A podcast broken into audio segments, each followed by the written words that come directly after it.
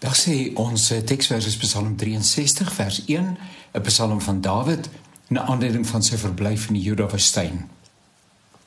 Ek soek U, o God, my God. Ek dors na U. Ek smag na U, soos in 'n dor en 'n droë land, 'n land sonder water. Konteks is baie belangrik. Ons beland dikwels in die moeilikheid om met ons nie die konteks waarbinne bepaalde saak plaasvind in ag neem nie. Konteks help ons om begrip te vorm in die ware aard van die gebeure, die inhoud en die kommunikasie te verstaan. Nou, Dawid die koning van Israel bevind hom in die woestyn, letterlik. Dit staan ons ook daar in eerste vers van uh die Psalm na aanleiding van sy verblyf in die Juda woestyn. Hy's letterlik in die woestyn. Hy moet vlug vir sy eie seun Absalom wat die koningskap vir homself begeer. Dit moes daarom 'n bitterpil gewees het om te sluk.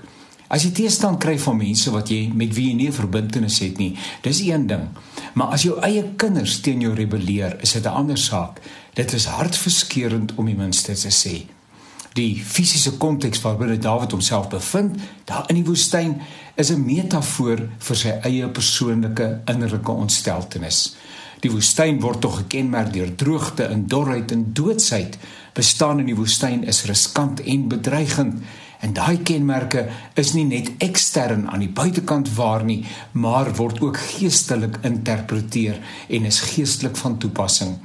Dawid is eg mens. Ja, hy's 'n man na God se hart, maar hy's nie 'n superheld nie. Hy's onderworpe aan dieselfde vreesaanjaende gebeurtenisse as ander mense. Hy's 'n metafoor vir alledaagse mense soos ek en jy in ons elke dag se bestaan op aarde. Nou, dis nie altyd sleg nie, dit is so. Die lewe is merkwaardig en ons hou daaraan vas. Maar die lewe gebeur ook en die lewe is nie altyd vriendelik nie. Dawid se hulpkreet word gekenmerk deur die frase o God. Dis bykans te hard om uit te spreek.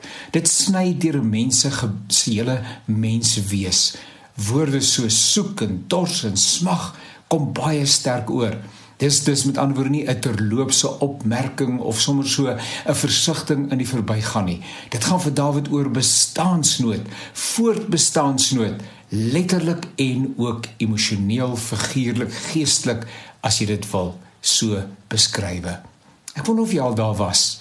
Miskien is jy nou daar.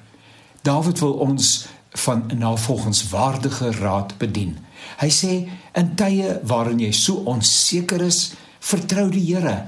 Raak God bewus.